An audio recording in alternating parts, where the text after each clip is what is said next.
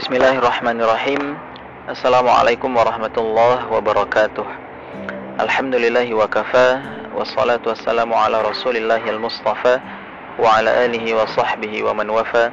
Allahumma salli ala sayyidina Muhammad Wa ala alihi wa ashabihi Wa man tabi'ahum bi ihsanin ila yaumiddin.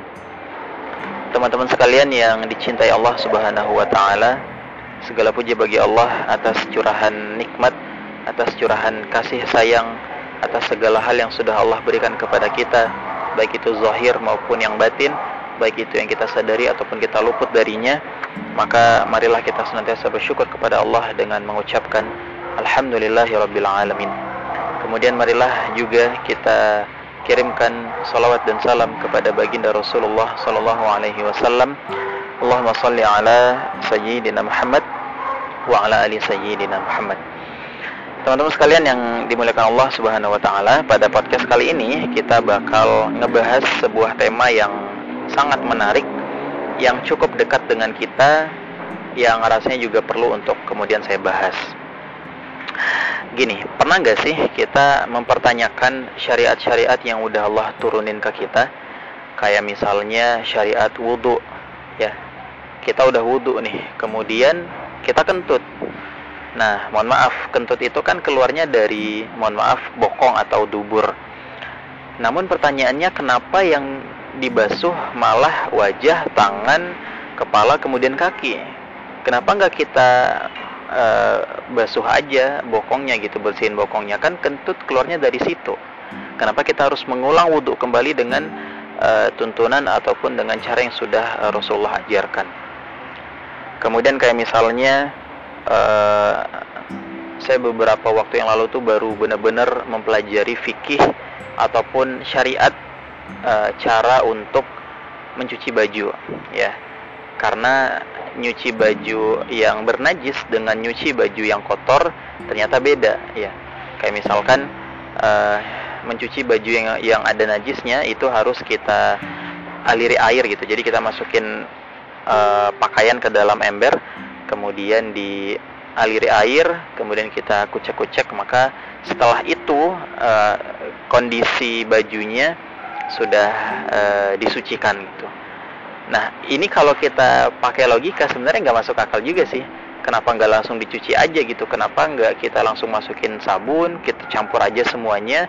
Kenapa harus ada proses di mana kita uh, aliri dengan air dulu, kita basuh dulu dan dan seterusnya gitu kayaknya kayak contoh misalnya uh, misalnya contoh yang lain uh, aurat ya.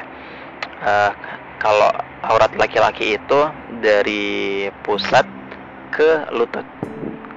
Nah mungkin kita juga sering mempertanyakan misalkan lagi nongkrong bareng sesama cowok gitu ya. Kemudian uh, ada temen yang make celana pendek ya di atas lutut lah terus misalkan temennya ngingetin bro itu lewat uh, itu apa kebuka tuh auratnya. Terus dia bilang lah kan kita kita doang. Ya kali sesama kita nafsu gitu. Kalau dipikir-pikir pakai logika juga ya bener juga sih gitu. Kan sesama cowok ya mungkin kalau sama ada ceweknya mungkin oke okay lah. Tapi ini kan sesama cowok uh, toh yang yang kelihatan cuma lututnya doang. Emang ada orang nafsu karena ngeliat lutut gitu ya? Nah maka pentinglah di sini kemudian kita uh, coba tarik ke belakang ya. Sebelum kemudian kita mempertanyakan syariat-syariat yang kemudian Allah turunkan kepada kita. Eh, teman-teman uh, pernah nggak uh, sakit kemudian pergi ke rumah sakit menemui dokter kemudian tanya ke dokternya dok uh, aku uh, kepalanya sakit nih. Perutku kayaknya uh, kayak rasanya kayak dikocok-kocok. Uh, dok tanganku bengkak atau apalah gitu. Teman-teman punya sakit gitu ya. Terus teman-teman pergi uh, apa uh, berobat ke dokter. Lalu dokter tersebut memberikan teman-teman obat. Oke? Okay? dokter tersebut memberikan teman-teman uh, banyak obat ya. Ada obat yang harus dimakan tiga kali sehari. Ada obat yang harus dimakan sekali sehari. Ada obat yang yang hanya boleh dimakan sebelum makan dan ada juga obat yang hanya boleh dimakan setelah makan. Kemudian ada obat yang harus dimasukin ke dalam mohon maaf bokong, dubur dan macam-macam. Nah, sekarang saya mau nanya nih, teman-teman pernah nggak mempertanyakan sang dokter, dok, ini kenapa tiga kali dok? Dok, ini kok harus sebelum makan, kenapa nggak setelah makan aja? Dok, ini kok lewat dubur sih aneh banget. Pernah nggak sih teman-teman mempertanyakan hal itu kepada dokter? Maka saya yakin dan percaya teman-teman nggak bakal nanyain hal tersebut. Ya, kenapa? Karena teman-teman udah yakin sama dokter tersebut. Ya, karena teman-teman tahu teman-teman kondisinya lagi sakit dan yang paling tahu e, berbagai macam solusi dari penyakit teman-teman adalah dokter. Dan ketika dokter memberikan solusi-solusi tersebut, maka teman-teman percaya 100% meskipun kadang-kadang nggak sesuai logika, meskipun kadang-kadang nggak masuk akal, meskipun teman-teman nggak ngerti sekalipun. Nah, dari uh, analogi dokter ini kita bisa belajar ya bahwa uh, sebagaimana dokter paham akan uh, obat-obat terhadap sakit yang kita punya, maka begitu juga lah Allah Maha paham dengan diri kita. Maka begitu juga lah Allah sangat paham uh, apa yang cocok untuk kita. Bukankah Allah yang nyiptain kita? Bukankah kita sudah mengakui bahwa Allah Subhanahu wa taala sebagai Tuhan kita yang menciptakan kita, yang emang benar-benar nyiptain kita. Maka kenapa ketika dokter memberikan obat kita santuy aja, tapi ketika Allah nurunin syariat kita malah mempertanyakannya. Nah, maka teman-teman sekalian yang dimuliakan Allah Subhanahu wa taala, ya uh, kita bisa gunakan analogi dokter ini untuk kemudian uh, memahami bahwa kadang-kadang memang syariat itu yang nggak masuk akal. Kadang-kadang syariat itu nggak uh, apa nggak logis. Tapi di ranah syariat memang bukan lagi tempatnya untuk melogiskan sesuatu, untuk memasukkannya ke dalam akal kita. Ya. Lalu apa fungsi akal? Maka kita masuk pada uh, bagian berikutnya. Lalu apa fungsi akal? Nah, teman-teman kan punya akal semua nih. Akal itu fungsinya untuk membandingkan antara satu dan yang lain, untuk menilai sesuatu, untuk meyakini sesuatu dan seterusnya. Maka kita tetap uh, apa masih dengan uh, apa namanya uh, uh, bahasan dokter tadi. Teman-teman punya akal, punya otak. Ya. Otak tersebut software, uh, softwarenya adalah akal. Nah, teman-teman ketika sakit, teman-teman mencari orang yang kemudian bisa uh, mengobati teman-teman. Nah, akal teman-teman bekerja tuh. Bekerja, oke, okay, aku mau nyari dokter. Kira-kira dokter itu tempatnya di mana ya? Maka akal teman-teman memproses. Oh, dokter itu tempatnya di rumah sakit. Maka pergilah teman-teman ke rumah sakit. Ya, teman-teman tidak akan mungkin percaya uh, bahwa dia bahwa seseorang tersebut adalah dokter jika teman-teman datang ke sebuah tempat yang sangat gelap, rumahnya kelam, uh, dicat dengan warna hitam, kemudian di dindingnya penuh dengan tengkorak, kemudian ada wewangian-wewangian uh, apa? Uh, maaf. Kemudian ada wewangian seperti apa namanya yang biasa itu?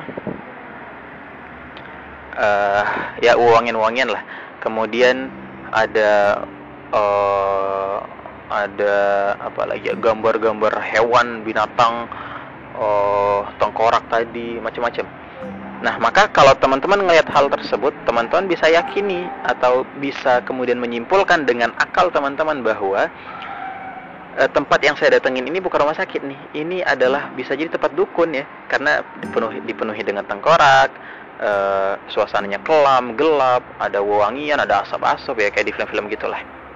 Nah, tapi akal teman-teman akan menyimpulkan dengan benar ketika teman-teman datang ke sebuah tempat yang uh, tempat tersebut wangi, nyaman, dicat putih, uh, kemudian di dinding itu berjejer berbagai macam sertifikat penghargaan uh, spesialis dokter atau apalah namanya. Kemudian uh, orang-orang di rumah di tempat tersebut mengenakan uh, pakaian ya se sebagaimana selayaknya dokter ya ada ada dokter kemudian ada perawat kemudian tempatnya nyaman bersih uh, terang nah ketika teman-teman mendatangi tempat seperti ini maka teman-teman bisa menyimpulkan dengan akal teman-teman bahwa oh saya sudah berada di rumah sakit ya maka ketika akal teman-teman sudah bisa uh, apa menyimpulkan bahwa sudah di rumah sakit dan sudah menyimpulkan bahwa saya sudah bis, saya sudah bertemu dokter, maka itu juga seharusnya fungsi akal kita. Apa fungsinya? Ya ini uh, mencari ya atau uh, ya mencari membandingkan mana Tuhan yang paling benar. Mana Tuhan yang yang berhak disembah dan mana uh, sebenar-benarnya Tuhan yang menciptakan kita itu. Maka uh, itulah fungsi akal ya untuk kemudian memastikan bahwa dia ini Allah atau bukan, dia ini Tuhan atau bukan. Sebagaimana akal kita memastikan dia ini dokter atau dukun. Ya, sampai sini paham insya Allah ya. Nah, ketika kita sudah yakin bahwa oh ini dokter, kemudian kita sampaikan kepada dokter, dok saya sakit A, B, C, lalu kemudian dokter tersebut memberikan Eh, teman-teman uh, obat ABC juga, maka teman-teman tidak lagi mempertanyakan obat-obat itu. Karena kenapa? Karena teman-teman sudah yakin terhadap dokter itu. Karena teman-teman sudah yakin bahwa dokter ini bisa mengobati uh, kita, tahu yang paling cocok untuk kita yang sedang sakit. Begitu juga dengan kita meyakini bahwa oh ini adalah Tuhan yang berasal disembah. Ini adalah 100% Tuhan yang benar-benar Tuhan, dialah Allah Subhanahu wa taala. Maka ketika Allah menurunkan syariat kepada kita apa pun itu meskipun kadang-kadang nggak logis nggak masuk akal kita terima sebagaimana kita juga terima resep-resep dari dokter ya sampai sini paham ya insya Allah maka uh, ketika kita uh, mempertanyakan syariat dengan akal-akal kita dengan logika kita ya itu juga sudah salah itu bukan ranahnya.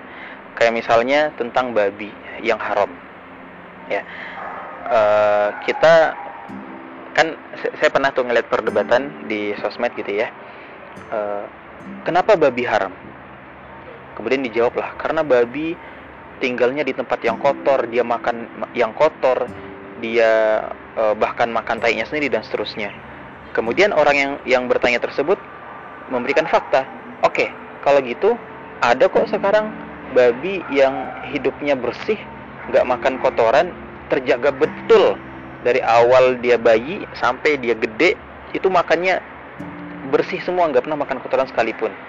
Ya kan argumennya itu kenapa babi haram? Karena ada cacing pita gitu kan nah maka orang yang nanya ini kemudian memberikan fakta bahwa ada kok babi yang nggak ada cacing pitanya berarti nggak haram lagi dong nah maka eh, kita bisa kalah kalau kita menjelaskan argumen seperti ini Cara paling gampang seperti apa? Cara paling gampang adalah uh, ketika orang mempertanyakan kenapa sih kalau wudhu yang dibasuh uh, bukan pantatnya malah selu, uh, apa lagi. Kenapa sih kalau sholat harus lima waktu? Kenapa sih harus haji? Kenapa sih mencuci pakaian yang ada najisnya harus harus dengan cara ABC? Kenapa sih kalau kalau makan babi itu haram? Kenapa sih uh, kalau kita dijilat anjing uh, kita harus membasuh dengan enam kali air kemudian satu kali uh, tanah gitu kenapa sih kenapa sih kenapa sih nah maka jawaban paling simpel dan gampang adalah ya karena itu syariat Allah kalau mereka nanya uh, apa benar apa benar syariat Allah ini masuk akal maka jangan mempertanyakan syariatnya e, pertanyakanlah siapa yang menurunkan syariat itu ketika kita sudah yakin oh eh, dialah Allah Subhanahu wa taala satu-satunya Tuhan dan terbukti dia adalah Tuhan, maka kita tidak lagi mempertanyakan eh, syariat-syariat yang Allah turunkan kepada kita. Eh, semoga bermanfaat teman-teman semua. Jadi mungkin judul pada podcast kali ini adalah eh, belajar iman dari dokter ya. Jadi eh, semoga kita bisa eh, yakin dengan syariat-syariat yang Allah turunkan. Maka kalau teman-teman pengen yakin dengan syariat yang Allah kasih ke kita, ya yakini dulu bahwa Allah itu benar-benar Tuhan kita. Setelah kita bisa meyakininya, bah, maka kita bisa yakin 100% eh, seluruh syariat Allah tanpa mempertanyakan sekali lagi. Makanya di dalam Al-Quran itu kalimat untuk syariat itu kan adalah sami'na wa ata'na. Kami dengar dan kami taat. Ya, tidak dipertanyakan lagi. Allah a'lam bisawab. Semoga bermanfaat. Eh, uh, versi pertama mohon undur diri. Uh, wabillahi taufiq wal hidayah. Wassalamualaikum warahmatullahi wabarakatuh.